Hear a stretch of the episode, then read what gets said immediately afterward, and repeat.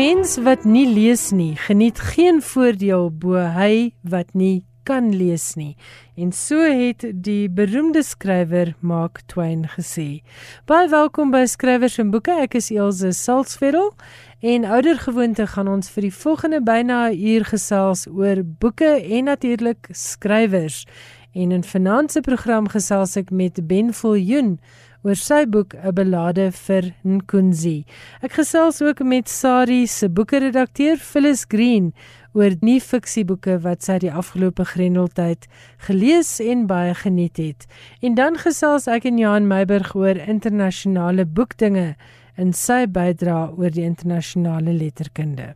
Dit alles in Finanse skrywers en boeke. Ek hoop jy geniet die program.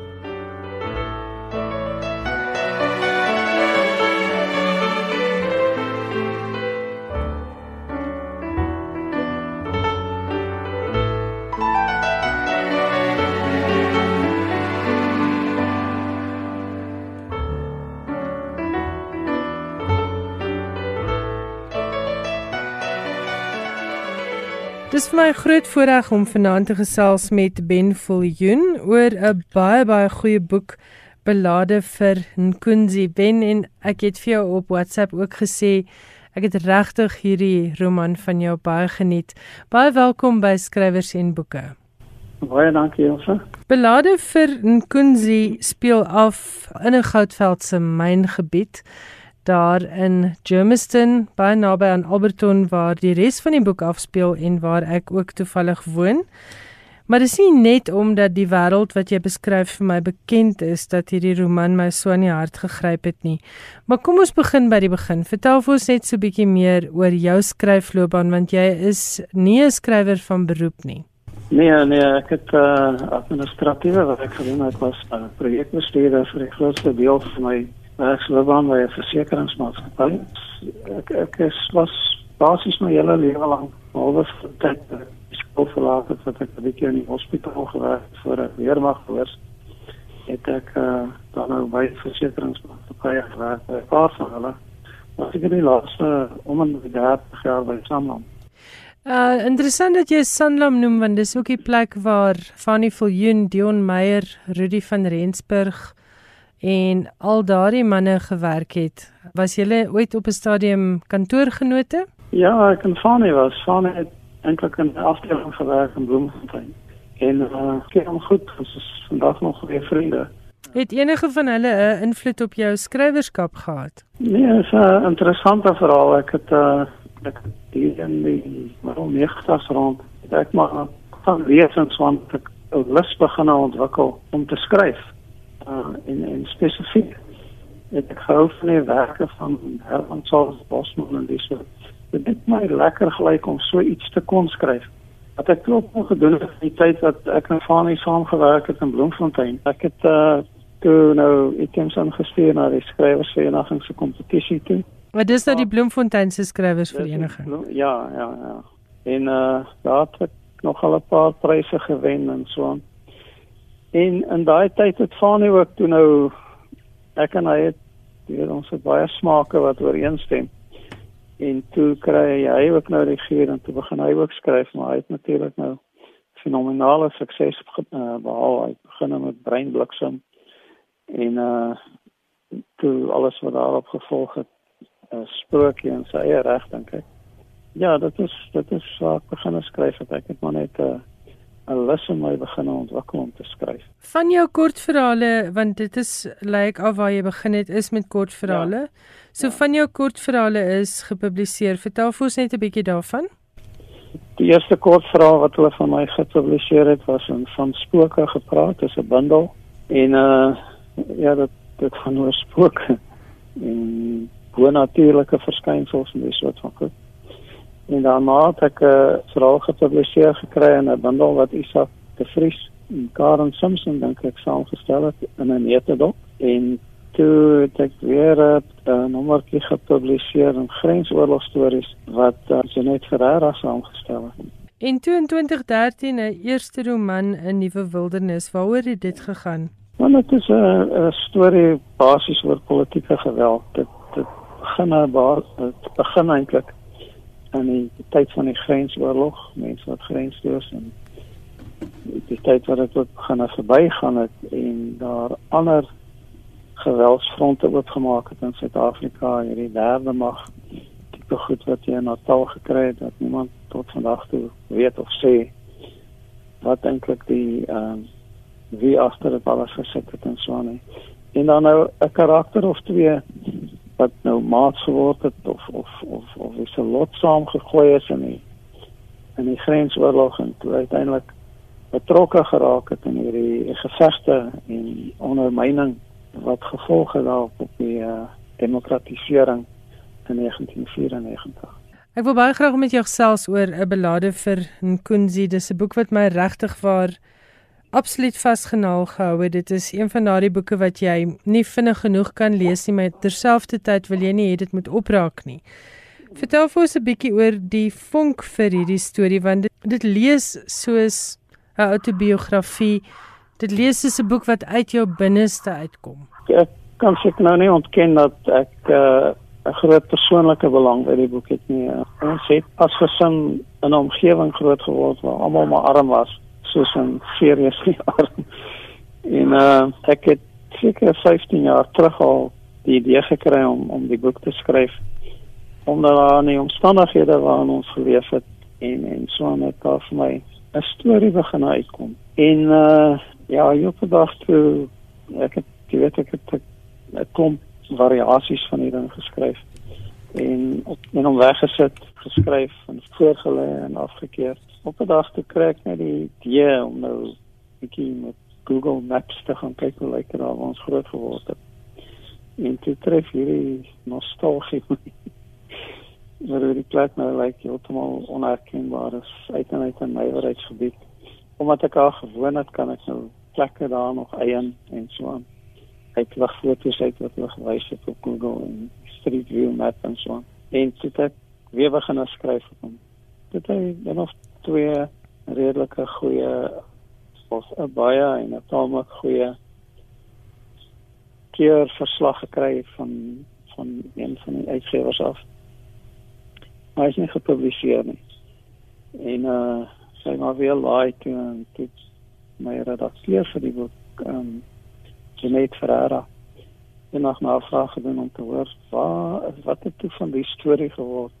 Sy het hom nêrens gepubliseer gesien nie. Sy het ons sommer weer opgetel en hom 'n bietjie gesuiwer. Aanvanklik was hy dink ek 'n bietjie lomp. Jy weet dit is 'n halfse dik manuskrip gewees met 'n klomp insidente en die soort van dinge maar uh, ons het toe uh, vir 'n uh, uh, spanningslyn, 'n storielyn uh uitgefilter as ware uit uit, uit die klomp inligting wat daar gewees het.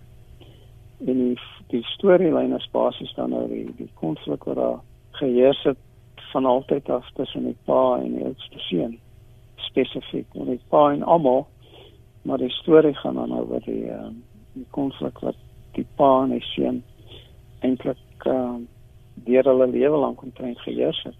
Jy weet die die die bindende faktor van die musiek wat altyd so die enigste ding eintlik wat aan mekaar gebind het en die rol wat dit dan nou in hierdie verhouding gespeel het. Jy beskryf die gebied daar rondom die Simmer Deep Mine in Germiston dat ek my foon gevat het en gegoogel het om te kyk of ek van daardie strate herken want ek bly in die deel van Alberton wat seker minder as 3 km is van die plek wat jy beskryf. Ruimte is so 'n belangrike deel van hierdie boek en jy het dit so goed gedoen. Iets wat ek ook geniet het was die die verteller wat ons ontmoet as 'n klein seentjie en die skerp oog waarmee hy dinge waarneem in hierdie verskriklike arm gemeenskap, maar die die mooiheid wat hy ook daar sien. Was dit 'n bewuslike besluit om dit 'n ek-verteller te maak? Ja, ek ek moet jou sê as ek hierdie boek 10 keer oor geskryf het, dan dink ek onders onderskat ek dit. Ehm um, ek het hom gehad as 'n eerste persoon verteller en dan weer as 'n as as 'n derde persoon verteller. En so dan voel ek vir nee nee, hy sê lekker so nie laat ek terug gaan na eerste persoon toe. En uh wat van die mense wat dit afgekeer het, van die uitgewers wat afgekeer het, gesê ek meer jy weet uit die kind se hoogtepunt uit praat, maar ek kon nie eintlik nie. Ek ek het nie regtig 'n gawe om heeltemal soos 'n kind te skryf in 'n in 'n 'n storie. Ek het besluit ek gaan dit 'n vertelling maak van die die die hoofkarakter nou die seun Benny as 'n groot mens en dan vertel wat wat hy waargeneem het. En die en die, en die die waarnemings wat hy gemaak het was inderdaad soos wat die kind dit gemaak het. Want dit is so mense dit onthou het. So ek nou begin daai lyn van vertel volg. Benny hulle word bitter arm groot. Dit is 'n soort van armoede wat 'n mens byna al vergeet het bestaan het in ons kinderdae, maar hulle ja. vind sis kinders maar doen mooi en pret um ja. in gewone goed en op snaakse plekke. Dis tog die wonderlikheid van 'n kind. 'n Kind gee nie regtig om op sy arts. Hy weet nie eens altyd wat hy arm is nie. Jy weet hy gaan aan hy lewe. Ek wil heeltemal afdwaal maar onthou dat in die tye wat ek grensdiens gedoen het en so en ons eendag aan Angola was en in hierdie plat geskiete plek dis gate en kraters en dan hier in die middag tussen hierdie komp reënes en goed dan kom hierdie kinders uit met 'n sokkerbal en hulle speel. Jy weet dis 'n oorlog. Dis bloed en verwoesting maar hulle speel sokker jy weet so uh dit so 'n kind gelukkig lyk my of gewaier is. Jy skryf oor temas soos familie armoede, vervreemding, mishandeling. Dis nie maklike temas nie, maar jy slaag daarin om die leser absoluut in te trek en soos ek sê, jy kan nie wag om te sien wat volgende gebeur nie, want daar is ook 'n ligtheid, daar is ook 'n gesonde dosis humor in hierdie boek. Hoe het jy dit reg gekry om nie net in in weemoed en depressie te verval met hierdie temas nie? dit is mos maar soos die lewe is. Ek dink ou ek ek weet nie of mense doelbe beskies nie. Maar jy kan nie net in die, in die donker leef nie. Ja, die die son kom op na elke nag en baie keer dan jy weet jy gaan nou deur hierdie periode van van swaar kry en so aan. Val as jy jonger is, weet nie. Jy het nie hang-ups nie. Jy het nie jy het nie regtig swaar kry met verantwoordelikhede nie. Die verantwoordelikhede is net iemand anders tussen jy lewe. En uh agterna praat jy in jou pelle of jou mense of iets oor die en daai en dan sit snaaks dit is baie baie ernstige situasies en by terugskoue is eintlik 'n klomp snaaksheid ook dan jy weet hoe ons al weer gekom? En wat se planne het jy gemaak? En ek dink jou vindingrykheid soms maak dit eintlik snaaks die jong seun jong Benny verloor sy hart op duwe ek weet nie of dit ook die waarheid is en of dit net 'n wonderlike simbool was van hoe drome nog steeds kan vlerke kry en hoe 'n mens nie 'n menslike siel in 'n in 'n donker hoekie kan vaskeer nie. Maar dit was vir my 'n wonderlike deel van die boek is hierdie absolute toewyding aan sy duwe. Ja, kyk, uh hierdie is nou 'n fiktiewe verhaal. Ehm um, omdat maar baie van die van die uh gebeure, die insidente en beslissing omgewing en baie van die karakters is geskoei op mense wat die skrywer dan nou regtig geken het. Nou een van die karakters wat die skrywer regtig geken het, is die ou met die duwe. Uh, ek self het duwe aangehou van 'n jong ouderdom af. Uh en nou nog ek oud is, ek skielik Ja, was so met duwe was daar ook goedheid, né? Want daar was die oomie ja. wat vir hom die duwe gegee het want hy het hierdie ja. kind se hart raak gesien. Ja, die oom het nou nie geweet van die arme ding nie. Hy het nou nie geweet die kind moet ook gaan steel om hy goed in te sit nie. Maar die ander ding wat wat wat, wat die duwe uitgebring het is dat dit een van die kere is wat die pa regtig vir die kind opgekom het. Toe die ouma nou ehm um, 'n issue gehad het met die duwe en die hokkie wat hy gebruik het daarin wat die pa regtig hom opgekom het en die bres getree het en self het sy sak uitgehaal het om om vir die duwe kos te koop. Ja, die duwe het 'n uh, kalmerende invloed of 'n temperende invloed op hierdie op hierdie hele situasie gehad. En en die kind was so betrokke by die duwe dat hy sieleris of perspektief of wat ook al jy dit wil noem gekry het in die teenwoordigheid van daai duwe. Daai duwe wat hom so vertrou. Ek loop sy hand kom sit as hy in die hok gaan sit, jy weet daai van my. En hy kon ook ontsnap van hierdie haglike situasie waarin hy hom bevind het. Absoluut. Jy weet mens as jy daai het, ek het 'n artikel gelees oor uh, is nou eens weer van die punt af maar ek het 'n artikel gelees op tyd terug van die kom uh mense daar by Whiteyfontein wat in die absoluutste armoede lewe. Maar die meeste van hulle is dok ook vol duiwe en dit is dis die bindende faktor daar en dit is wonderlik as jy duiwe hou om enig te laat vlieg en te kyk in die lug hoe hulle sirkel en sirkel en sirkel en vlieg en regbreek en by mekaar kom. Dit lyk so geordend. Ben uit 'n roman 10 keer oorskryf, keer op keer afgekeur word. Wat het jy geleer as skrywer? En hoekom was dit vir jou so belangrik om wel hierdie storie om wel deur te druk met hierdie storie? Man, daai storie, daai roman se storie is eintlik al my roman se storie. Ek sit nog met uh dit is dieselfde met die vorige roman, maar het baie maal oor geskryf. Hy's baie maal afgekeur. Ek het nou nog 'n roman of twee op my rekenaar wat ek dink dalk selfe paadjie sal loop. Maar om een of ander rede is dit vir my lekker om oor te skryf. Uh jy weet uh, die mense laat vol 'n gedagte hier en daar en jy kan dit nou begin explore as ware. En ek is nie ou wat omgee om oor te skryf nie. Maar ek het agtergekom om as 'n Afrikaanse skrywer gepubliseer te raak as nie uh 'n walk in a park nie. En so sê Ben Viljoen, die skrywer van Belade vir Nkunzi Interloops, Ben ek het my baie verkneukel in waar Nkunzi se bynaam vandaan kom. Dit was 'n gedeelte van die boek wat my hart op laat lag het. Wel gedaan daarmee.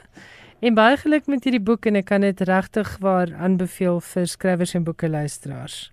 En so gesels Ben Viljoen oor 'n belade vir Nkunzi. Dit word uitgegee deur Lapa. Jy luister na skrywers en boeke op RSG. Dis vir my baie lekker om met Phyllis Green te kan gesels. Hoe gaan dit? Ilse, dit gaan baie goed met my. Ek dink ek is soos duisende ander Suid-Afrikaners baie gefrustreerd met grendeltyd. Ons almal weet dit is baie noodsaaklik, maar ja, om so ingeperk te word, dit laat jou nogal dink oor vryheid, nê? Ja. Maar die voordeel is dat mens baie kan lees, né? Ja, en ek moet sê ek het nogal wegbeweeg tydens grendeltyd van al die goed wat ek normaalweg lees teen 'n spoed verwerk. Ek vind dat ek dit in die algemeen titels gekies wat ligter was. Dis seker ook maar 'n manier om my emosioneel te probeer beskerm teen die hele gewigtigheid van grendeltyd sonder om om dit heeltemal te ignoreer, maar ek dink dit is belangrik dat mense nou in hierdie tyd goed lees wat goed is vir hulle siel en ek dink ek het daai gedoen. Die ironie vir my is nê enige iets wat ek wat in die titel lockdown of corona of covid of so, ek het dit se muur net gepen en gesê nee, ek gaan dit nie lees nie. En toe begin so 'n klein stemmetjie hier in my kop my 'n bietjie pla. En sê maar hoorie so miskien moet jy nou maar 'n bietjie iets net daarvan lees. En weet jy ek was nogal verras geweest. Ek het toe lockdown extended wat 'n e-boek is wat saamgestel is deur Melinda Ferguson gepak want ek het toe nou half dit was darem nou al hier amper in die middel van grendeltyd. En ek het net besef maar kyk ek kan nou nie vir ewig grendeltyd en lockdown ignoreer nie. Jong en ek ek moet sê ek was aangenaam verras met hierdie boek. Dit is 30 bydraes en is deur baie uiteenlopende skrywers geskryf. Daar's Rochelle Greef, Feriel Hafaji, Rolla Zenopoulos, um Dave Miller, Chris Roper, Steven Boetjie, Sidley en Tracy Going en Melinda Ferguson het self ook 'n stuk geskryf. En die stukke is baie uiteenlopend, nê? Nee? Party van hulle het bepains oor wat dit is om nou in in so 'n on, ongewone tydperk te wees.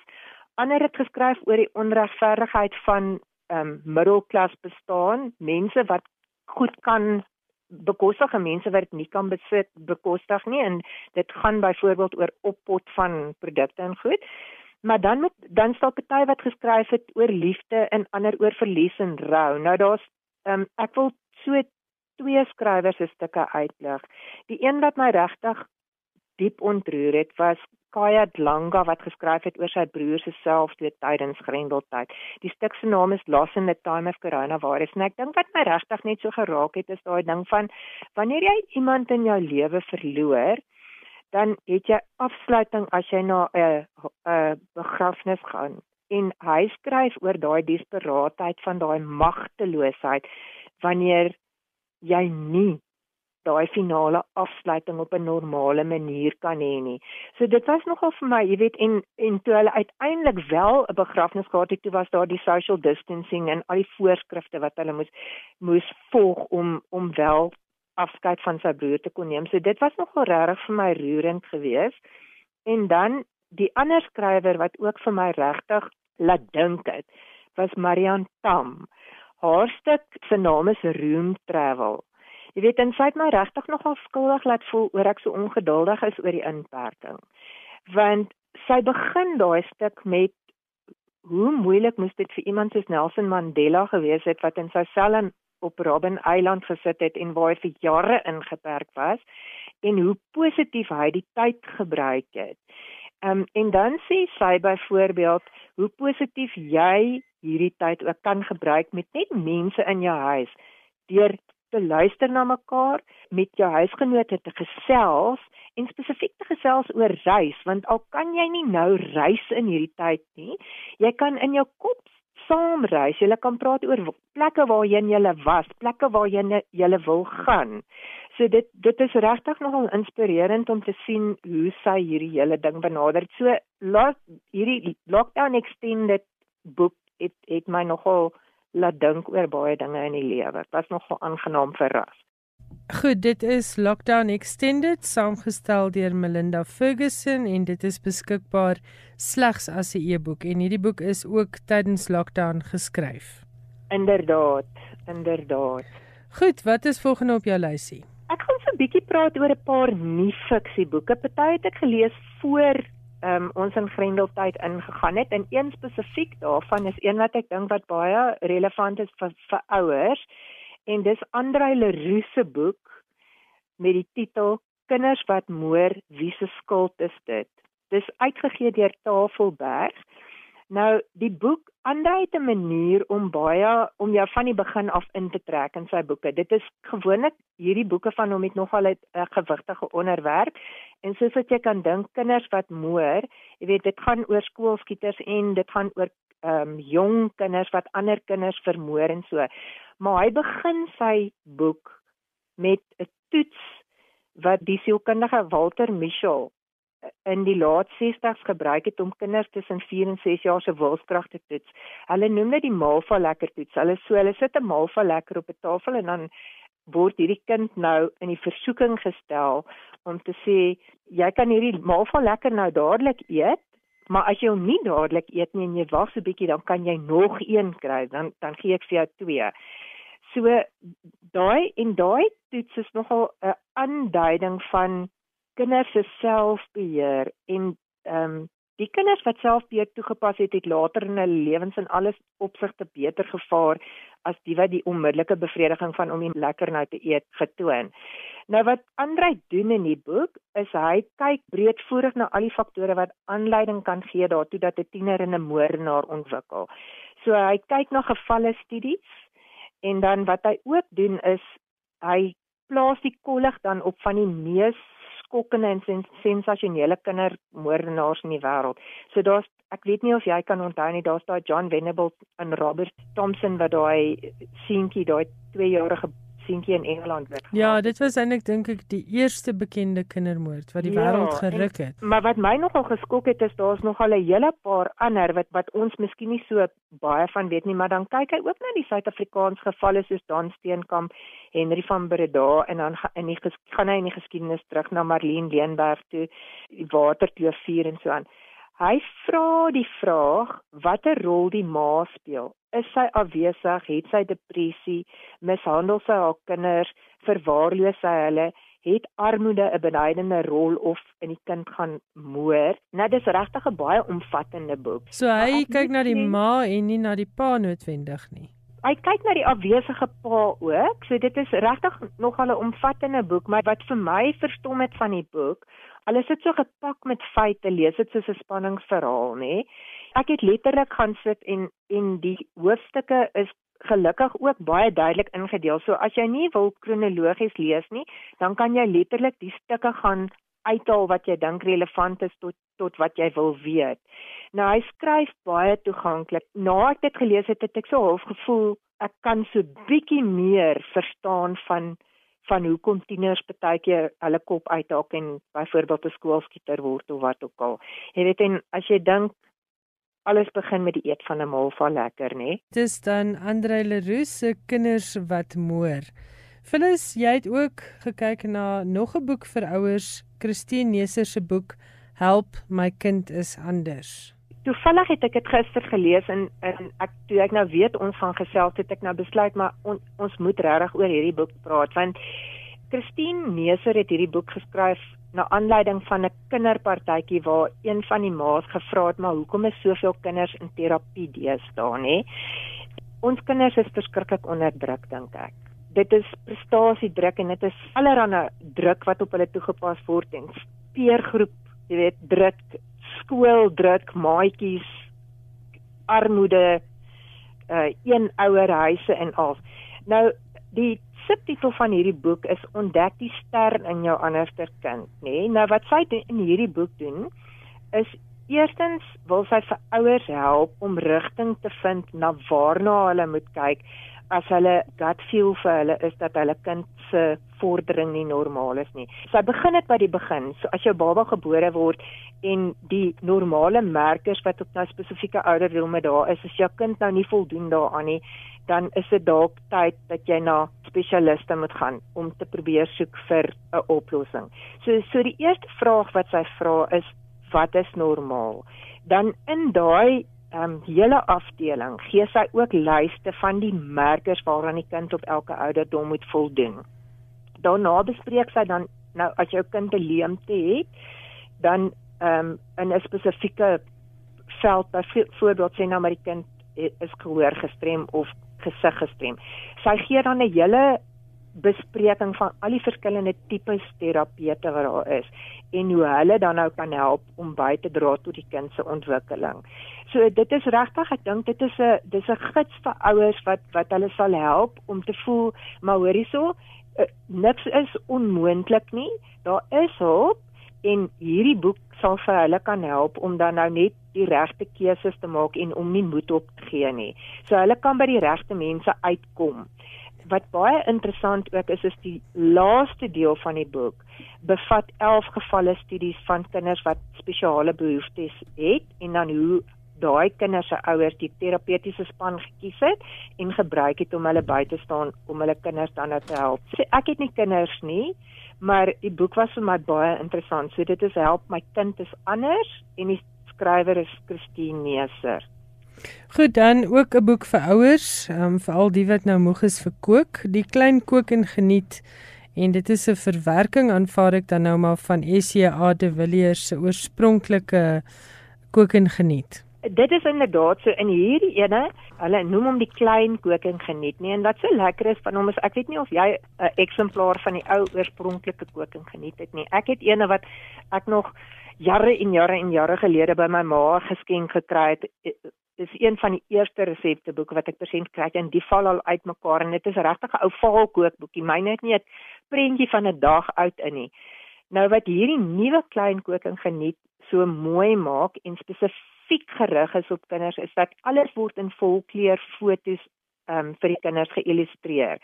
Dis 'n boek wat jy kan gebruik om jou kind te leer om te kook. Die kinders word voorgestel aan kombuisgereedskap. So daar's foto's van presies wat se kombuisgereedskap daar is, waarvoor dit is, hoe jy dit moet gebruik. Hulle word geleer hoe om 'n resep te lees en hoe om dit te volg en dan ook die kookterme en dan ehm um, elke resep wat daar wat in die boek is word stap vir stap met kleurfoto's uiteengesit. En dan wat vir my nogal oulik was is is die die die samestelling van die van die resepte in die boek is goeders wat kinders dan nou van van sal hou. So dit is goed soos hamburgers en melkskommels en brownies. Um en definitief dink ek as jy as jy nou hierdie tyd bietjie tyd het om jou kind te leer om te kook, dan is dit 'n lieflike geskenk wat jy vir jou kind kan gee. Dit's baie maklik om te gebruik en ek dink die foto's maak dit nogal maklik om te volg. Dit was dan drie boeke wat Phyllis Green, Sari se boekeredakteur vanaand aan ons voorgestel het. En dit is baie uiteenlopend, maar ek dink almal wat kinders het of wat kinders ken, behoort hierdie drie boeke te geniet. Kinders wat moer deur Andre Leroux, Help my kind is anders deur Christine Neser en Klein kook en geniet deur SJA de Villiers en Eunice van der Berg. En dit is vanaand se nuwe fiksie bydra deur Phyllis Green. Volgende Woensdag aand gesels ek en Phyllis Green verder en dan is dit drie boeke waarin jy bietjie meer kan leer oor die mens agter die naam. Jy luister na skrywers en boeke op RSG. Johan Meiburg, baie welkom by nog 'n uitsending van skrywers en boeke en ek hoop dit gaan goed met jou. Dit gaan goed, ja. Baie dankie. Waaroor gesels jy alles vanaand? Die wenner van die 2020 Walter Scott Prys vir historiese fiksie is pas aangekondig. Die Ierse skrywer Christine Dwyer Hickey het die prys verower met The Narrowland, haar fiktiewe portret van die huwelik van die Amerikaanse skilder Edward Hopper en sy vrou Josephine. Hopper, gebore in 1882 en sy sterfdatum is 1967, is benewens sy landskappe veral bekend vir sy uitbeelding van die gewone Amerikaanse stadstoneel motelle, restaurante, teaters, spoorweë, straattonele en inwoners wat 'n inherente swygsaamheid oor hulle het. Swygsaamheid is 'n eienskap wat Hopper met sy figure in sy skilderye gedeel het. Daarteenoor was Josephine 'n sprankelende vrou wat van geselskap gehou het. Nietemin het sy saam met hom jare lank al somers in semi-afsondering in Cape Cod deurgebring. Dis waar die boek afspeel. Dit is somer in die 1950s en ene Michael is daar vir die somervakansie saam met Richie en sy ma. En dis waar hulle 'n ongewone vriendskap aanknoop met die Hoppers. Die beoordelaars het van die boek gesê dit dring deur tot die hart van die kreatiewe impuls self. Ek het daarin geslaag om 'n meesterstuk te skep te midde van so baie biografieë en kunshistoriese skryfwerk oor die Hoppers, het die beoordelaarspaneel in 'n verklaring gesê. Die Walter Scott Prys met prysgeld van sowat 530 000 rand het in 2009 tot stand gekom en historiese fiksie oor gebeure van 60 jaar en ouer kom in aanmerking vir die prys. Dit klink nou 'n baie interessante boek. Dan is daar 'n prys vir poësie, die Forward Prys. Ja, dis die kortlys vir die 2020 Forward Prys vir poësie wat aangekondig is. In 'n hele paar koerante, 'n hele paar publikasies het reeds Postcolonial Love Poem, die bundel van Natalie Dyes, uitgesonder as 'n moontlike wenner.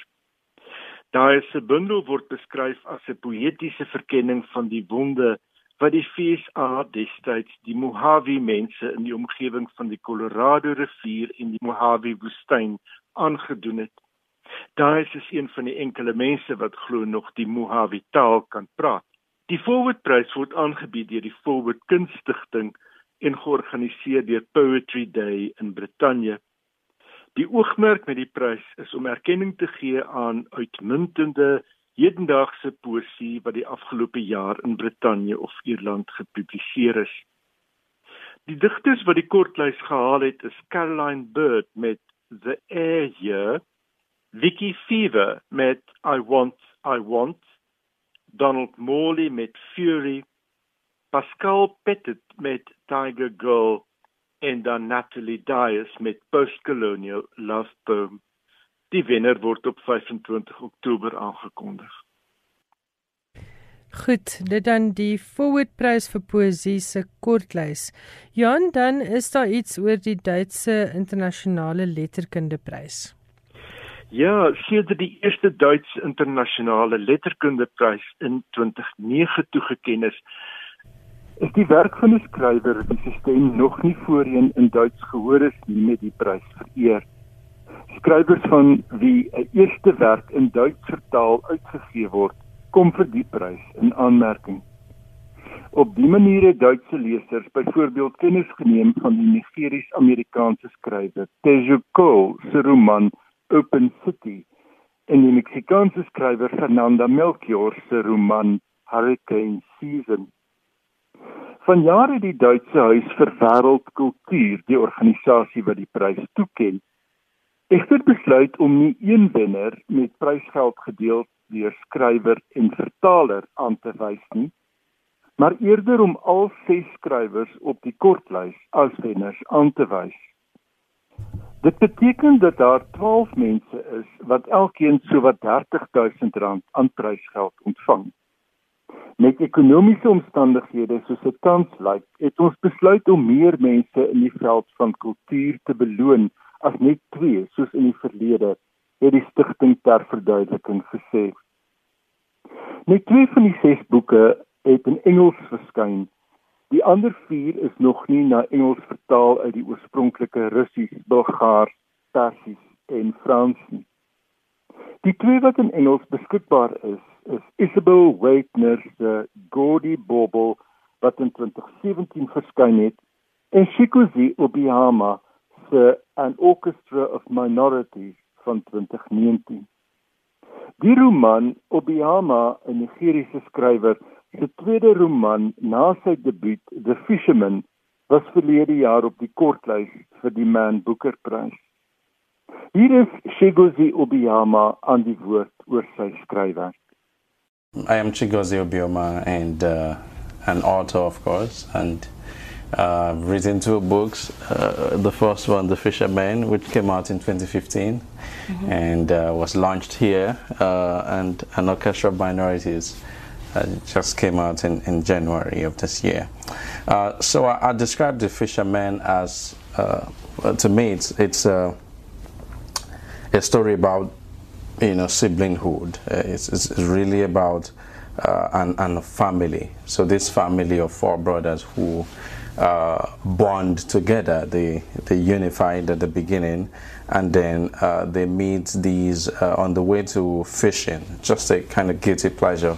Uh, they encounter these very strange, rather mystical figure who is believed uh, in the vicinity of, of Akure, uh, where the story is said to be uh, a prophet of some kind. So he makes this prognosis, which the boys misinterpret to mean that one of them uh, will kill each other. And, you know, that fractures the bond and leads to uh, very dire consequences for the family and for the boys uh, as well. Uh, so, An of Minorities uh, is uh, much of a different novel uh, in that regard.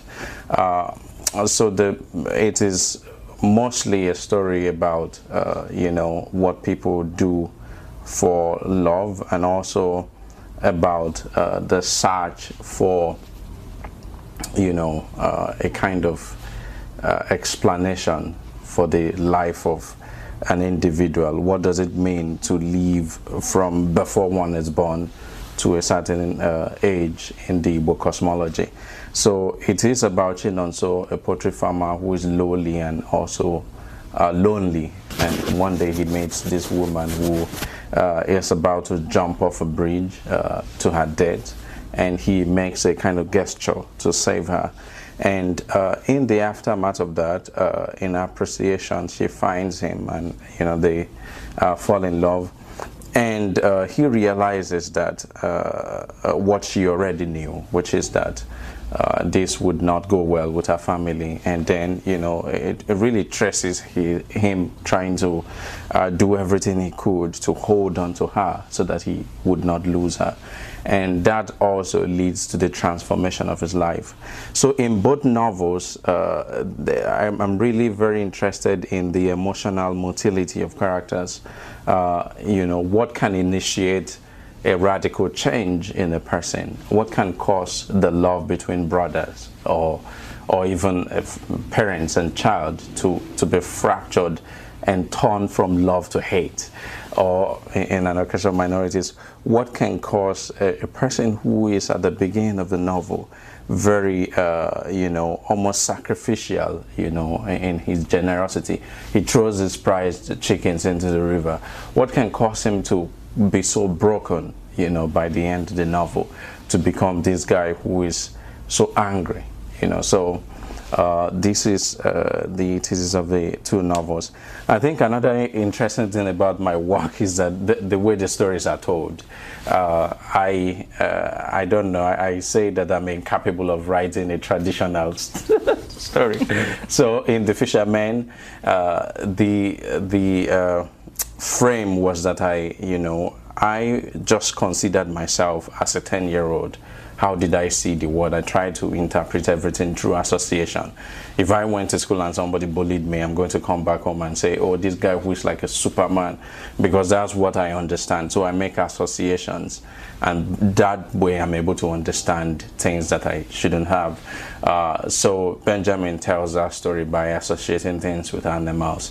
Uh, in orchestra, the chi of the individual of Chinonso is the narrator. So it's it's, it's it, you know it, it, lends some complexity to it because the, it's also not just Chinonso's story but also the story of the Chi. So there are two stories running through uh, the novel. Dit was die stem van Shiguzi Obihama. Johan baie dankie ons gesels dan volgende Woensdag aand weer. Lekker week vir jou. Baie dankie.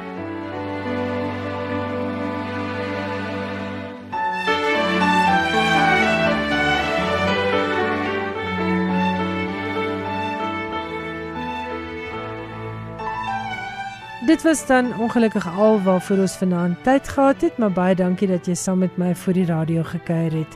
Volgende Woensdag aand om 8:00 is ek terug met nog 'n uitsending van skrywers en boeke. Onthou gerus dat al ons gesprekke beskikbaar is as potgooi. Daarvoor gaan jy eenvoudig na RSG se webwerf by www.rsg.co.za